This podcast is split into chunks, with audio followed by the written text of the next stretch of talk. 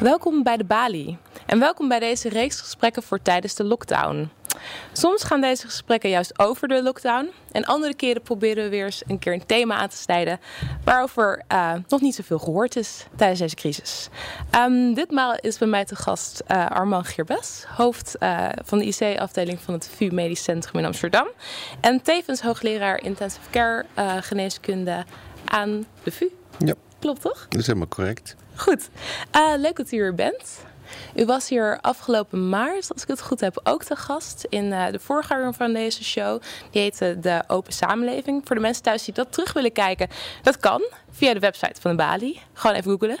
Um, meneer Geerbes, Um, wil ik toch even beginnen aan, uh, met een bericht van de frontlinie. Uh, want u bent gewoon ook nog wekelijks te vinden in het ziekenhuis natuurlijk. Ja. Hoe staat het voor op de IC's?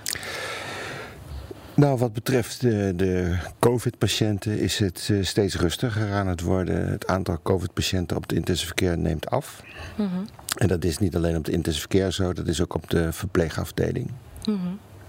En uh, is dat anders? En, um, is het eigenlijk anders dan een jaar geleden? Want u zat hier toen in maart. Wat was het beeld toen? Weet u dat nog? In maart, ja. Toen was het vrij constant. Niet zo, zeg maar, die massale aantallen die we hadden uh, in het begin van de COVID-crisis. Hè, want toen groeide het aantal heel erg snel. Ja. Uh, maar uh, meer patiënten dan dat er nu liggen. Mm -hmm. En de patiënten die er nu liggen, dat zijn ook met name patiënten die niet gevaccineerd zijn. Mm -hmm. Ja, duidelijk. Um, u waarschuwt al eigenlijk sinds uh, 2020, maart 2020, dat is het begin van deze crisis, voor de achtergestelde zorg. En eerder noemde u, noemde u ook uh, de COVID-zorg een koekoeksjong. Is er iets veranderd uh, sinds u hier een jaar geleden aan tafel zat? Als u kijkt naar de achtergestelde zorg en wat u daar toen over heeft gezegd? Nou, dat is wel een goede vraag. Uh, ik denk dat er qua inzicht en actie daarop uh, niet veel veranderd is, helaas. Mm -hmm. uh, het enige wat veranderd is, dat is het uh, aanbod van COVID-patiënten. Maar in termen van beleid, hè, dus dat er beleid opgemaakt is, daar heb ik niet veel van gemerkt. Mm -hmm. En u heeft zich in de tussentijd nog best wel vaak uitgesproken ja, over. Ja. Ja.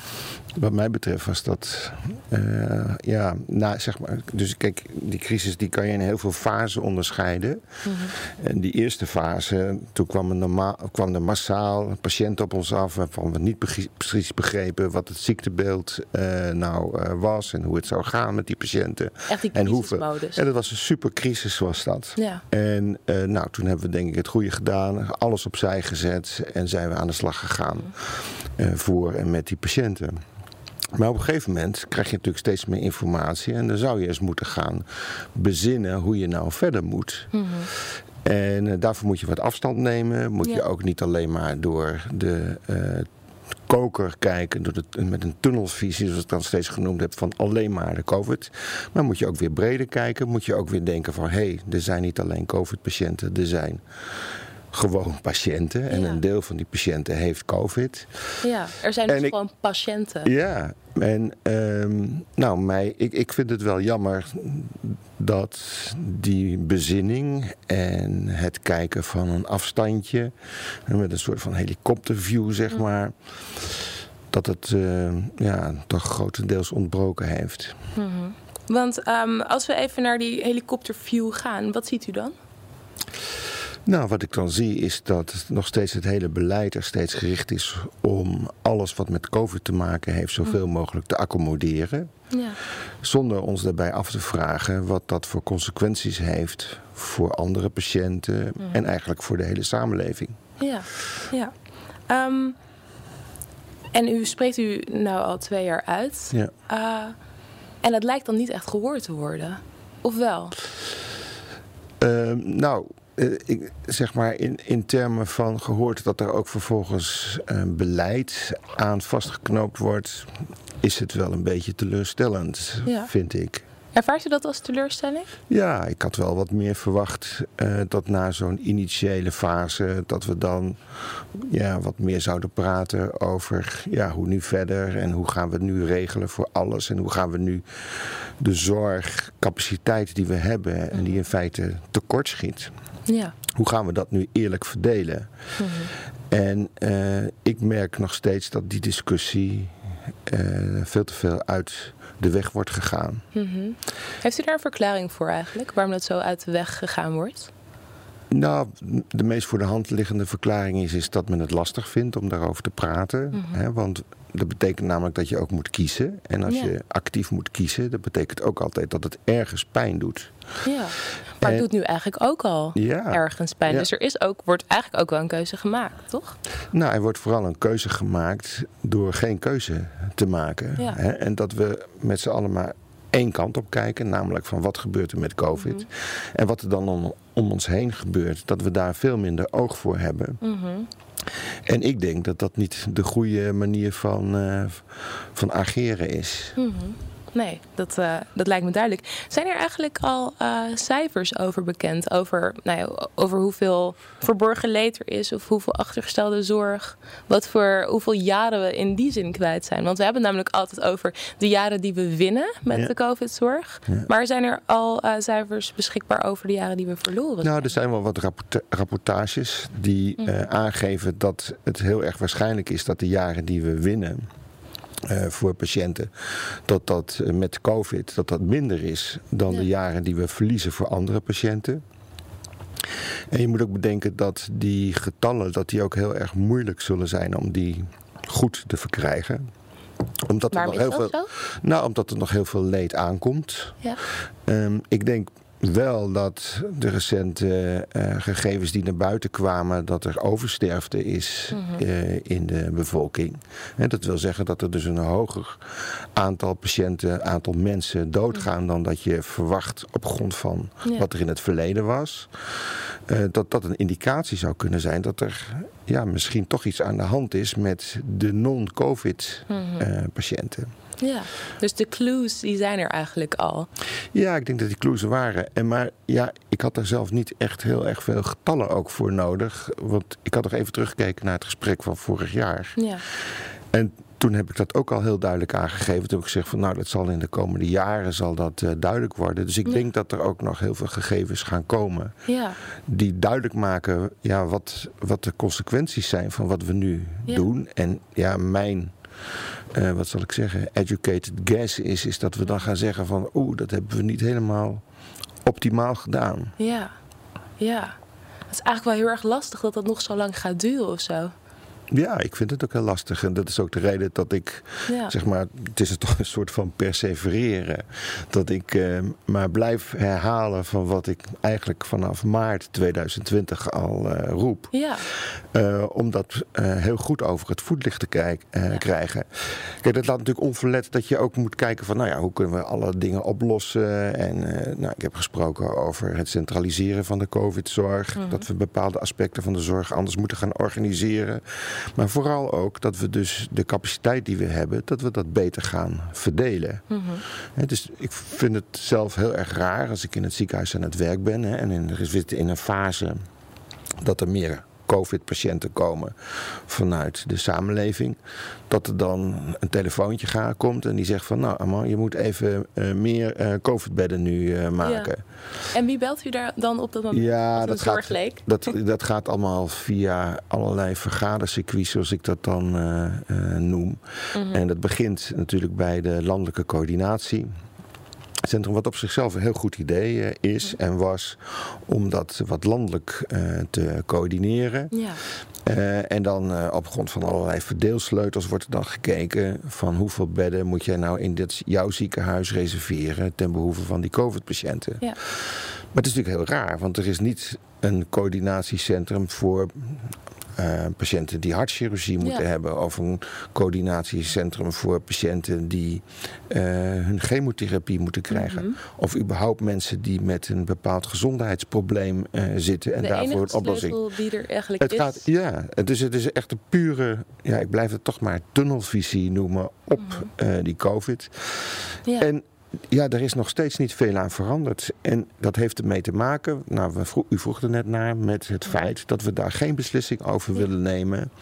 Uh, daar is ook wat moed voor nodig. En die moed, ik vind dat die ontbreekt. Ja. Uh, en het, het, het betekent ook dat je ja, ergens moet ingrijpen. En nu, Mhm. het lijkt voor heel veel mensen vaak makkelijker om dingen te laten gebeuren en daar dan op te reageren. Ja, Terwijl wat de situatie in feite vraagt, dus actie. is ja, een actieve benadering en het maken van keuzes. Mhm. Ja. Ehm, nou, zoals we net al hadden gezegd, eh, zat u hier dus vorig jaar. En ik weet nog dat, eh, ik heb de aflevering ook zelf teruggekeken. U had toen een gesprek met mijn eh, collega Zara Tuxes. Ja. En ehm, zij ehm, vroeg u toen een gedachte-experiment te doen. Dat heeft u toen heeft u waarschijnlijk wel teruggezien. Maar ik dacht, dat kunnen we misschien samen ook nog even terugkijken. Oké. Ehm, als het goed is, staat er een filmpje klaar. Dank Ik wil even beginnen met een gedachte-experiment. Oké. Laten we even gaan naar 2022, maart, een jaar later. eh, waarin eh, hopelijk een groot deel van de Nederlandse bevolking al is ingeënt. Als u vanuit een jaar later terugkijkt, eh, kijkt naar de samenleving. Hoe ziet, die, hoe ziet deze samenleving er dan volgens u uit? Nou, het begint wel met een super moeilijke vraag. Want in de toekomst kijken, dat kan eh, niemand. Dus het gaat over wat je verwacht. Nou ja, wat ik verwacht is dat die vaccinatieprogramma's... dat die ons gaan helpen om weer normaler te leven. Ehm, en dat we weer een normaal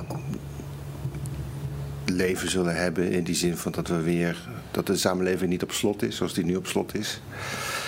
Ehm, ik denk wel dat we zullen moeten leven met het coronavirus. Dat dat gewoon blijft. Dat zal niet zomaar gaan verdwijnen. En eh, ik denk dat we ons allemaal nog heel goed herinneren hoe het was. En dat we daarom de nieuwe vrijheden die we dan weer krijgen... weer wat meer zullen gaan eh, waarderen. Dat wat vroeger heel erg vanzelfsprekend was. U had eh, deels gelijk eigenlijk. Nou ja, we hadden aan de ene kant, ehm, u had verwacht dat, dat we eh, niet meer met een lockdown zouden zitten. Daar zitten we wel mee. En eh, aan de andere kant dat we wel met, de, eh, met het coronavirus zouden moeten leren leven. En dat is eigenlijk misschien wel de fase waar we nu ehm, naartoe gaan.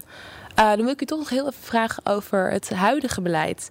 U gaf net al aan dat op de IC ziet u de coronapatiënten afnemen, ook op de verpleegafdelingen. Ehm, hoe kijkt u naar het huidige coronabeleid in relatie tot dat? In rela- relatie tot wat u ziet?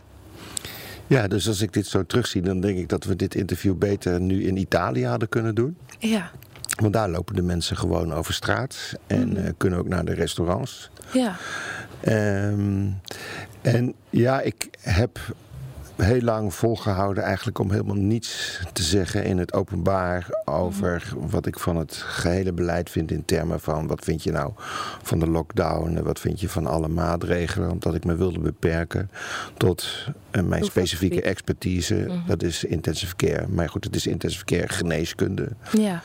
En ik ben ook nog klinisch farmacoloog. En dan weet je ook een beetje over, ja, ook wel wat over epidemiologie en dergelijke. Dus Mhm. ben eigenlijk half december, voor me, had ik voor mezelf besloten, nou, ik moet toch ietsje buiten mijn hele strikte eigen gebied gegaan. Ja. Toen half december, toen dus het voornemen was voor een, eh, voor een lockdown al gezegd, van ik zie niet aan de beschikbare gegevens Mhm. dat het nu noodzakelijk is om een lockdown af te kondigen. ja. En wat ik daarvoor gedaan had was eh, kijken naar de openbaar beschikbare gegevens Mhm. uit de verschillende landen. ja. En wat ik ook altijd doe is dat ik dan even de mensen die ik daar ken eh, en die werken op een intensive care. Ik ken heel veel mensen vanuit mijn werk voor de, Europe, voorstellen. voor de European Society of Intensive Care Medicine. En dan vraag ik aan hun van, nou, hoe is het beeld bij jullie? Mhm. Want ja, getalletjes en registratie, dat is één ding. En de waarheid, wat mensen merken, dat is een ander ding. Ja, Als dat met elkaar overeenstemt, dan denk je van, nou, het zou best waar kunnen zijn. Mhm. Dus ik heb ook gebeld en met WhatsApp eh, gecommuniceerd met Ja. eh, verschillende collega's in verschillende landen. En die zagen eigenlijk ook hetzelfde beeld. Dat zeg maar wel het aantal besmettingen in hun land misschien ook wel toenam. En ook in veel landen, niet misschien, maar zeker Ja. toenam. En dat zich dat niet vertaalde in ontzettend veel meer ziekenhuisopnames en intensive care opnames. Mhm. En over welke landen hebben we het dan in het specifiek? Met welke collega's heeft u? Nou, dus het zijn met name de landen waar ze. Ik heb met, heel, met meerdere landen, eh, eh, of collega's in meerdere landen gesproken. Maar dan hebben we het met name over Denemarken. Dan hebben we het met name over Engeland. Ja. En dan hebben we het met name over Zuid-Afrika. Mhm. En dan denk je van, goh, ehm, hoe kunnen we die gegevens gebruiken? Hè, want je kan ze niet zomaar één op één extrapoleren naar de Nederlandse situatie. Maar hoe kan je dat nou gebruiken in het geheel? En ik zag dan ondertussen zelf ook dat het aantal patiënten bij ons ook langzamerhand afnam. ja. Terwijl we wel dicht waren natuurlijk. Nee, toen zouden we Oh, nog dicht gaan. Ik zit nog even in, met mijn gedachten in half Zo, december. ik loop alweer veel te ver vooruit. Ja. Ik laat u even Ik praat doorgaan. misschien te langzaam. We komen wel uit op een middenweg. En, Ga door. Ehm, dus ik zag toen die noodzaak niet zo goed waarom dat zou moeten gebeuren. Mhm. Kijk, waar ik mij een jaar geleden in eh, vergist heb. eh, dat was dat ik dacht dat met die vaccinaties Mhm. het ook zo zou zijn dat de, eh, de verspreiding van het virus ook zou ophouden. Ehm, en want normaal is het zo, als jij eh, antilichamen hebt tegen een bepaalde ziekte, dan is Ja. de kans dat je dat, als het door een virus veroorzaakt wordt, dat je dat virus weer verspreidt, is dan echt heel erg veel kleiner geworden. Mhm. En wat we nu zien is dus dat dat vaccin met name beschermt tegen heel ernstig ziek worden. Ja. En ook tegen ernstig ziek worden. En dat het weliswaar de verspreiding wat tegengaat. Mhm. Maar niet zo goed als ik toen had gedacht. Ja. En wat heel veel mensen toen hadden gedacht. Hè. Dus die Omicron variant met name, die heeft daar wat roet in het eten. eten gegooid. Maar eh, die bracht ook wat anders mee. Dat in combinatie met de, eh, de vaccinaties die we hebben. En ook toch voor een heel groot gedeelte onder onze bevolking. eh, dat ja, de kans op ernstig ziek worden van dit luchtwegvirus. Dat die veel kleiner is eh, eh, geworden. En ja, alles dat bij elkaar probeer ik toch wel nog steeds voorzichtig te blijven in hoe ik het zeg. Ja. Maar wat ik zeg is dat ik niet uit de gegevens die ik in ieder geval kan inzien, Mhm. Kan halen dat het gerechtvaardigd is om zulke zware maatregelen te nemen. Ja. En wat ik bijvoorbeeld, wat ik ook probeer is te denken van goh, stel ik zou nu eh, met eh, drie jaar geleden zijn Mhm. en ik zou kijken naar wat er nu gebeurt. Ja. En dat zou ik iedereen willen aanraden om eens zo'n gedachteoefening te doen. En Mhm. dan zeggen ze tegen je van ja, we hebben net bericht gekregen dat onze voormalige koningin, die eh, is eh, heel erg eh, verkouden geweest. En ze moest ook een beetje hoesten. Maar gelukkig is ze in quarantaine geweest. Ja. Nou, drie jaar geleden had je gedacht van moet dit op het nieuws? Waar, waar hebben we Ja. het over? Ja. Wat natuurlijk de feite is, hè, is dat het, we weten het nu, ze heeft COVID-19 gehad. Mhm. Maar in een hele lichte vorm. Ik denk ook mede dankzij het feit dat zij alle drie de vaccins, de vaccinaties heeft gehad. En voorbij. Stel dat we berichten zouden krijgen van ja, nee, eh, met, met zoals we drie jaar geleden waren. Mhm. En we zeggen van, goh, eh, kinderen die gaan naar school. Ja, hij komt opeens weer terug en hij mag morgen pas naar school. Mhm. Als die een aantal negatieve testen heeft gehad op een bepaald virus. Mhm. En dan zeg je van, goh, eh, worden ze dan heel erg ziek van dat virus? Ja. Nee, nee, dat niet. Het kan wel, hele kleine kans. Maar nee, bijna Ja. alle andere kinderen in de klas in de hele school... die, ja, die moeten soms een beetje hoesten, een beetje verkouden. Mhm. Dan zou je denken van, goh, hier is wel heel wat raars aan de hand. Ja, dat... eh, En, het, en, het- Zeker. en ik denk niet dat dat een hele verkeerde eh gedachteoefening is. Want dat geldt ook voor alle, alle jongeren. En dan Mhm. laat ik dan alle jongeren noemen iedereen onder de 45 jaar. mhm. Dat is ruim. De, de, ja. de, ja, en de, de kans dat eh, als die mensen eh, COVID krijgen, dat ze daar heel erg ziek van worden, is heel erg klein. Mhm. En dan, ja, dan denk je van, goh, en dan moeten we daar dan allemaal zulke zware maatregelen voor Ja. blijven nemen. En ook als je kijkt naar de nevenschade ervan. Ik eh, zat net achter mijn computer hierboven in het kantoor. En ik las een stuk gepubliceerd op het NRC dat er 15% meer zelfmoorden zijn. Ja. Onder jongeren, onder de 30. Ja. 15 procent tijdens de lockdown. Ja. En ook, nou, je zag ook de Trimbos-rapporten met uh, 50 procent van de jongeren die enorm nou ja, depressieve gevoelens heeft. En 25 procent die wel eens nadenkt over zelfmoord. Dat zijn, dat zijn harde getallen. Ja. Vooral inderdaad als je dat legt naast wat u net zegt. Ja, en, en deze getallen zijn natuurlijk het einde van een hele lange weg mhm. die daaraan vooraf gaat. Ja. En niet iedereen komt op dat punt van dat hij aan zelfmoord eh, denkt. Maar er zijn wel heel veel mensen, jonge mensen, die heel erg ongelukkig uh, zijn. Ja. En uh, nou kan ik me al die zware maatregelen in het begin van de crisis die we hadden wel voorstellen. Maar het mhm. wordt nu toch wel steeds lastiger ja. om dat te doen. En wat we doen is ook iets heel erg merkwaardigs. We blijven maar vragen aan mensen die we de opdracht hebben gegeven. Goh, geef jij ons advies over mhm. hoe we zo weinig mogelijk COVID in de samenleving kunnen hebben. Ja. En die mensen, dus dat het OMT, hmm. die blijven die adviezen geven. Ja. En we horen ook nog epidemiologen en die zeggen van nee, nee, om ehm, eh, die verspreiding van COVID tegen te gaan, kunnen we het beste uh, de samenleving op slot blijven ja. gooien. Ik heb nog een veel beter advies dan wat die epidemiologen geven. Hmm. We zeggen tegen iedereen, trek een hele grote plastic tas, plastic zak om je heen. want dan weten we zeker dat je geen COVID meer kunt verspreiden. Ja. Maar dat heeft natuurlijk nadelen. Dat, mm kijk, iedereen die snapt meteen dat. En die hebben we gezien ook. Zo'n plastic zak over je heen trekken. Dat dat heel veel nadelen heeft. Dan ga je namelijk dood. Het klinkt, het klinkt erg oncomfortabel. Maar daar heb je natuurlijk ook verschillende maten van. En, wat we nu doen, dat zijn toch maatregelen die ontzettend veel nadelen hebben. En ja, uh, dus als we ons maar blijven richten op het zoveel mogelijk voorkomen van COVID, ja, dan blijven we met dit soort maatregelen. Dus ik heb ook in een recente blog in Arts en Auto gezegd van we moeten nu eens even over praten. Wat nou de condities zijn dat we zeggen mhm. we houden op met al die specifieke maatregelen die we nu hebben voor COVID. En we gaan niet meer iedereen meten. We gaan niet al die rare maatregelen die we doen allemaal handhaven. En we accepteren dat mhm. dit virus er gewoon is. Zoals we ook accepteren dat er. Zoals wat ze nu ook in Spanje ja, gaan doen. Wat ze in Spanje nu willen mhm. gaan doen. we accepteren dat dat virus er is. Zoals we ook accepteren dat er heel veel andere ziektes zijn. Zoals we accepteren dat er verkeersongelukken zijn. Zoals we accepteren dat dingen nou eenmaal niet goed, ook niet goed gaan. Ja.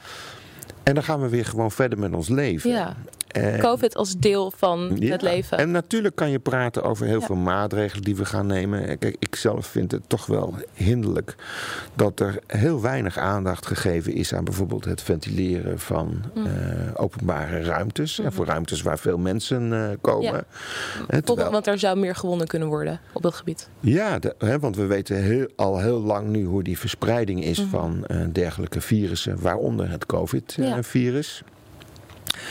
En daar zou je natuurlijk algemene maatregelen voor uh, kunnen nemen. Mm En uh, nou, je kunt zeggen van uh, in bepaalde fases, als het meer voorkomt, hè, je kan zeg maar, door steekproeven mhm. kan je een idee hebben van hoeveel kan het voor. Kun je kijken naar wat meer algemene maatregelen. Ik, ik, noem maar wat. Hè. We, we, doen nu even geen massa-bijeenkomsten of mhm. zoiets. En dan kan je zeggen van nou, dan gaan we dat minderen. Je gaat natuurlijk mhm. door met een optimaal vaccinatieprogramma. Met name voor de mensen die risico's lopen in het ziekenhuis te komen. En dan kunnen we weer ons gewone leven oppakken. dus ik denk dat wat ik vorig jaar uh, zei, dat we daar best veel dichterbij hadden kunnen zitten dan, dat, we, dan dat we op dit moment zijn. Ja, want ik wil nog even teruggaan naar uh, wat u in uh, Arts en Auto schreef. Want het kwam ook bij mij binnen van dat we eigenlijk op zoek moeten gaan naar onder welke voorwaarden of omstandigheden we nou eindelijk um, gaan leren leven met het virus. En dan zit ik zo te denken, vanavond is er een persconferentie en er is natuurlijk alweer, zoals traditiegetrouw, alweer het een en ander uitgelekt over kleine versoepelingen die dan mogelijk zijn. Dus ik dacht toch wel te denken, want dan weet ik wel dat bijvoorbeeld de cultuursector stond niet op dat lijstje. We moeten nog kijken wat er is natuurlijk uh, vanavond. Maar als het niet nu kan en u zegt het aantal mensen in de ziekenhuizen neemt af. Het aantal mensen op mijn IC-afdeling wordt ook steeds minder. Als het niet nu kan, wanneer dan wel? Onder welke omstandigheden wel? Ja, ja, nou dat is inderdaad de terechte vraag. En het is ook onduidelijk welke einddoelen, welke targets nou precies gesteld worden, welke bereikt moeten worden met alle maatregelen die, als we de uh, uitgelekte uh, berichten mogen geloven, uh, als die allemaal ehm, gehandhaafd worden. Ja.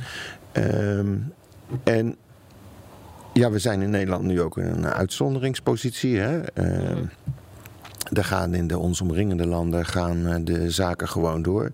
Ja. En ja, wat, wat, kijk, de, de restaurants dat die allemaal dicht zijn, hele horeca die uh, dicht uh, is, uh, ontneemt die mensen ook de kans om te laten zien dat ze heel goed maatregelen kunnen nemen, nemen die recht doen aan de situatie. Ja.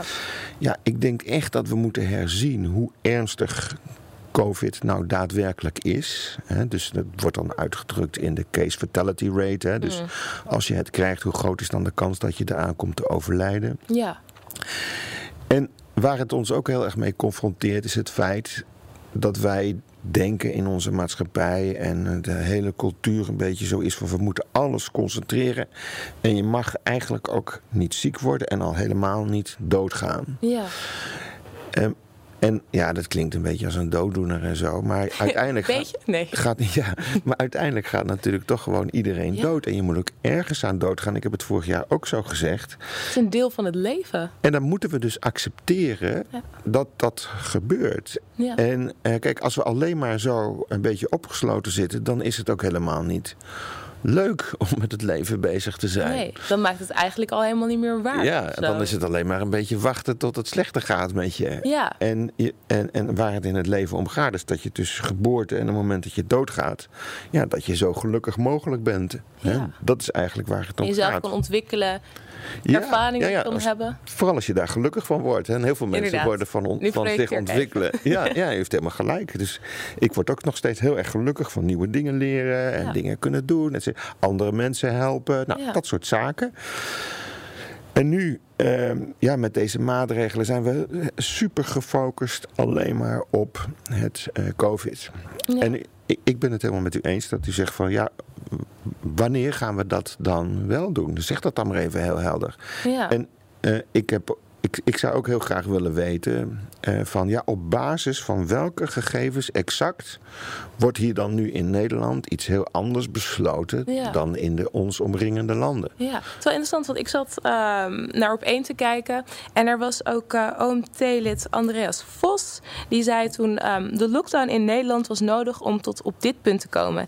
Ik sta nog steeds achter de beslissing van de lockdown op dat moment. Anders hadden nu duizenden meer patiënten in de ziekenhuizen. En ik hoor u nou nog nu zeggen, nou ja, op de basis, basis van al die cijfers die ik met mijn collega's heb besproken. Ik zag de, de grafieken op uw Twitter-feed ook. ehm, ja, dan vraag ik me ook inderdaad af op, wat voor, op basis van wat voor cijfers eh, wordt dit dan besloten? En hij, waar, op, wat, op de basis van wat voor cijfers staat hij er dan nog steeds achter? Ja, ik denk als ik hem zou vragen van goh, ik, eh, ik geloof het zomaar niet 1, 2, 3 als jij dit zo zegt. En eh, kun je dat maar eens even heel precies met allerlei getallen en eh, zaken onderbouwen, dan denk ik dat het heel stil blijft. Ja. Dat is, ik denk dat, dit, dat we er meer hoeven er eigenlijk niet over te zeggen. Nee. Ehm, nou ja, nu weer toch. eh, we hebben het toch alweer een tijd over COVID gehad. Ik hoop ook heel erg dat er binnenkort, nou ja, dat we binnenkort wat meer leren leven. Meer mogelijkheden. Ik kijk uit naar vanavond. Ik hoop op positieve berichten. Ja. Misschien onterecht, misschien terecht. Ehm, wil ik nog één eh, vraagje over, eh, over corona en lockdowns. Zijn er eigenlijk omstandigheden eh, waaronder we wel weer in een lockdown zouden moeten volgens u? Wat zou er dan wat zou er moeten gebeuren om dat weer. om, om die stap weer te nemen? Ja, Zou nou, dat ooit weer moeten doen? nou, ik kijk daar zelf altijd betrekkelijk eenvoudig naar. Omdat het ook precies zo is wat, zoals het in mijn vak is. Ja. Namelijk, je kijkt naar iets wat je doet, naar de voordelen. En je kijkt naar wat de nadelen zijn. Mhm. Dus op het moment dat de voordelen veel groter zijn dan de nadelen van een lockdown, dan moet je dat vooral doen. Mhm. Maar dan moet je dus wel heel goed weten wat de voordelen zijn en wat de nadelen zijn. Dus als Ja. er, stel dat je met een virus te maken heeft waarbij 20% van de, van de mensen eh, doodgaat. Ja, dan heb je wel iets om. Uh, veel. Ja, dat is heel veel. Ja. Hè? Dan heb je wel iets om te zeggen van oeh, dit moeten we ten alle ten koste van heel veel moeten we dit mm voorkomen. Hè? Want we hebben niks aan open restaurants als je uh, hoestend vervolgens doodgaat. Ja. Dus daar moet je dat tegen wegen. En wat ik zo graag zou willen, is dat we die gedachte, dat je mhm. die bij alles en iedere dag, dat je dat weer opnieuw doet. En ik heb nu het gevoel dat we nu in een, uh, in een uh, tijdsegment zitten waarbij er nog steeds alleen maar met een enorme tunnelvisie naar mhm. de COVID gekeken wordt. Mhm. Dat alle nieuwe gegevens die er zijn, dat we die helemaal niet in de volle omvang gebruiken. Dat we gefocust zijn op het voorkomen van mm. COVID. Een, een, een, een, een, een bekende ondernemer die had tegen mij gezegd van het lijkt wel of je aan alles dood mag gaan behalve aan COVID. Ja. En daar had hij enorm gelijk in. Mm. Hè? Want er gaan nu heel veel mensen direct of indirect dood door COVID. Ja. dus, sorry, ik moet het beter zeggen. Er gaan nu heel veel mensen direct of indirect dood door de maatregelen die door we nemen. rondom. Rondom de COVID. Ja. ja. Ja, en dat, is, dat vind ik wel heel erg zorgelijk. Ja. En het, het lukt dus niet om uit die om uit die tunnelvisie te komen. Ja, ja. ja. ja, laten we dan toch maar even uh, vooruit kijken. Ik had ook nog een, uh, een podcast met u geluisterd. Uh, Op zijn kop heette, heette die podcast. En oh, ja. Eh, daar hadden we het over um, over vakministers en over, nou, over ministers van volksgezondheid. En dat u het jammer vond dat er al een tijd geen vakminister op zat. Um, nou, die is er inmiddels. Ernst Kuipers, die u ook goed kent, heb ik begrepen. Um, doet dat eigenlijk iets met uw vertrouwen in hoe deze uh, coronacrisis en misschien ook de zorg over het algemeen uh, gemanaged zal worden? Nou, hij krijgt van mij in ieder geval heel veel krediet. Ik ken hem. Ja. Uh, ik heb met hem uh, gewerkt. Uh, en ehm, hij heeft uh, ook in Rotterdam heeft hij een fantastisch ziekenhuis neergezet. Hè. Wat een heel breed uh, ziekenhuis is waar ja, alle aspecten van de geneeskunde worden uitgevoerd. Ja. En ik vind dat heel knap gedaan. Dus dat is het, al het krediet wat hij ook van mij krijgt. Wat natuurlijk zo is, is dat hij um, in een bepaald systeem gegooid ja. wordt. Een heel groot ministerie. Mm -hmm. En dan kan hij zo niet in één keer, dat in zijn eentje kan die dat veranderen. Nee. En kijk het, is net, kijk, het is net zoals dat ik in maart 2020 wel kan roepen van... Um, ja, we moeten ook om alle andere patiënten denken. Mm -hmm. En dan zijn er een heleboel mensen die dat gehoord hebben. Maar ja. het systeem wat er allemaal omheen is, is er toch iets van. Um, ja, we trekken ons er toch gewoon helemaal niks Ja. van aan. Nou, nou het, heeft de minister natuurlijk op dit gebied veel meer te vertellen dan een, uh, een intensivist in een uh, Amsterdam ziekenhuis. Dat is waar. En hij is natuurlijk ook. de- de- hij weet hoe het in een ziekenhuis is. Hij weet. En hij heeft waarschijnlijk ook, nou ja, zoals u net beschrijft, eh, hij, hij weet waarschijnlijk ook van de achtergestelde zorg en de zorgen die u, eh, die u deelt. Ja, en, en het is ook goed om uh, je te realiseren dat het niet alleen over de ziekenhuizen gaat, hè, en, maar het gaat ook over de verpleegtehuizen, het gaat over de thuiszorg, het gaat over de ambulante zorg, het gaat over de huisartszorg. Uh, dus, het het, is, dus het is allemaal veel. En het ziekenhuis is natuurlijk maar een, een, aan, aan het einde van een hele lange weg een bepaald uh, onderdeel van de hele gezondheidszorg. Maar laten we zeggen van, nou, ik, hij krijgt van mij erg veel uh, krediet. Hmm. Uh, en dan is het verder, uh, is het zien is geloven. Dat is. Uh, En ik verwacht niet dat hij in één keer ijzer met uh, handen kan breken. Maar ik Mhm. verwacht wel dat, en ik, nou laat ik zeggen, ik hoop ja, dat hij in staat zal zijn om een aantal zaken ja, grondig te veranderen. ja, ja. Laten we, we, ga- we, gaan het inderdaad, we gaan het inderdaad zien. Ja, want ik had inderdaad te denken van, u had het net over moed en moeilijke keuzes maken. En ik denk dat dat um, aan de grondslag ligt van uw beroep ook. En wat u deelt met Ernst Kuipers. Dat we, laten we hopen dat hij uh, misschien wat meer moedige of moeilijkere keuzes kan maken. En dat hij daar ook de kans voor Nou, het, het zal heel erg helpen als hij ze niet uit de weg gaat. Mm -hmm. En dat hij uh, de moed heeft om het... Uh, te bespreken en bespreekbaar te maken. Mhm. En dat is best lastig, hè? want je hebt natuurlijk ook met de hele maatschappij te maken. Kijk, moet je zo voorstellen als hij hele verstandige dingen doet. Zij bijvoorbeeld zegt van, nou, we gaan niet meer eh 3 miljoen uitgeven aan een medicijn wat maar Ja. voor één patiënt goed is. Wat er dan vervolgens gebeurt is dat er dan komt er op de televisie komt er een reportage over de, één zo'n patiënt. En nou, heel zielig. En dan komen er allemaal kamervragen gelijk. En dan krijg je een hele rare gang van zaken weer. En wat ik vooral hoop is dat hij daar weerstand tegen zal weten eh, te bieden. Mhm. Dus tegen dit soort eh, zaken. Want ja, we kunnen niet alles en we zullen keuzes moeten maken. En dat is des te meer nu van belang, omdat we te maken hebben met een tekort aan capaciteit ten opzichte van wat we gewend waren voor de COVID-crisis. Mhm. Ja, en ehm, nog even over eh, de zorg in de brede zin. Ehm, wat, ligt, wat heeft COVID eigenlijk blootgelegd ehm, over de zorg dat het eigenlijk daarvoor ook al een nou ja, sluimerend of minder sluimerend probleem was? Wat hebben, wat hebben we nu gezien? Nou, we hebben een heleboel tekortkomingen van de zorg kunnen eh, zien over hoe ons systeem is eh, ingericht. Ehm, we hebben hier natuurlijk in Nederland een systeem waarbij het dan zo was dat de zorgverzekeraars die zouden alles coördineren en regelen. Nou, afgelopen twee jaar hebben we er allemaal niks van gehoord. Het was niet zo dat je je bed kon regelen als COVID-patiënt via de zorgverzekeraar. En ook niet als patiënt die wacht op een bepaalde operatie. Ik denk dat dat, dat dat heeft blootgelegd dat dat zo niet werkt. Het heeft blootgelegd dat wij eh, heel erg eh, administratief vastzitten. Dat was van tevoren waren we al mee bezig. Hè? Dus dat 40% van de tijd werd besteed, wordt besteed aan administratieve handelingen. En natuurlijk moet er administratie gebeuren en dingen Ja. vastgelegd worden. Maar we hebben wel echt een enorm bureaucratisch log. Eh, eh, zorgstelsel. Mhm. Het mag wel wat, wat strakker, wat efficiënter. Nou, er mag echt heel veel mag daaraan veranderen. En ehm, nou, ik zou het geweldig vinden als eh, Ernst Kuipers met zijn departement, maar met name zal hij daar zelf een, eh, een, een ijsbrekersrol in moeten spelen.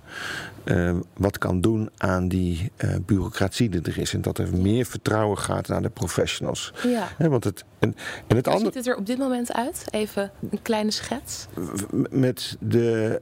nou, dat is nog steeds een enorme bureaucratische last hebben. En. ehm, ik merk het ook weer, er zijn allemaal weer mensen bezig met bijvoorbeeld de accreditatie. Van het ziekenhuis moet geaccrediteerd worden. We komen net uit, nou we zijn er nog niet eens uit.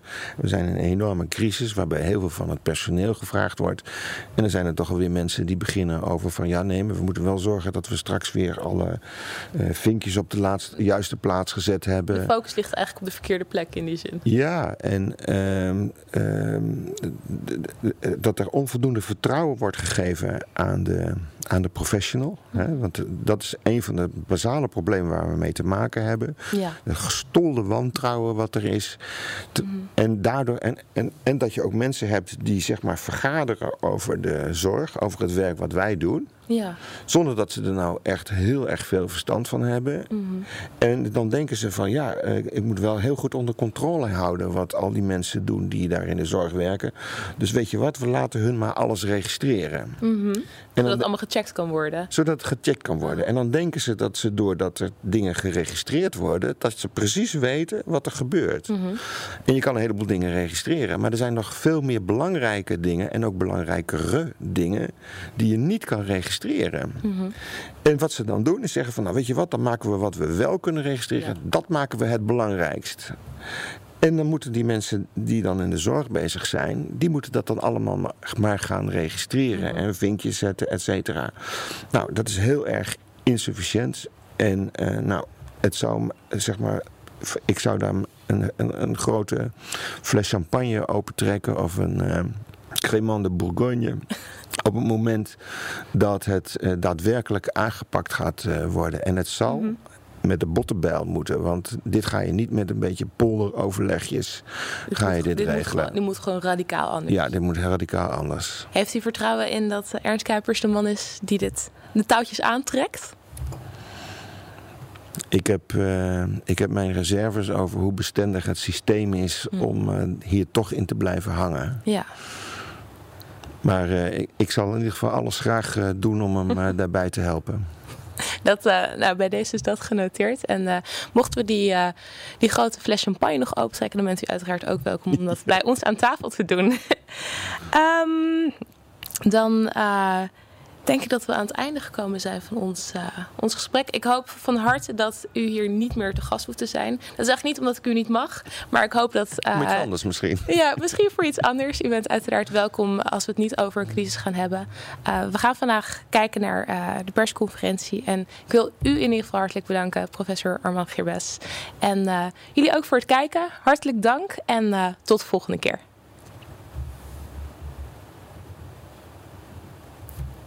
Volgens mij mogen praten. Gelukkig. Ja, nou, super gesprek. ja, het was hartstikke ja, leuk. Ging heel goed. Ja. Ja. Ja. Ik ben toch even een beetje zenuwachtig in het begin. Maar. Um, dat kwam nee. niet van mij, hè? Nee, nee, nee. Oh. het is ook, ik denk dat dat soms uh, ook hoort bij. Uh... Nou, dat is ook, daar word je ook beter van als je een beetje zenuwachtig bent. Ja. Hè?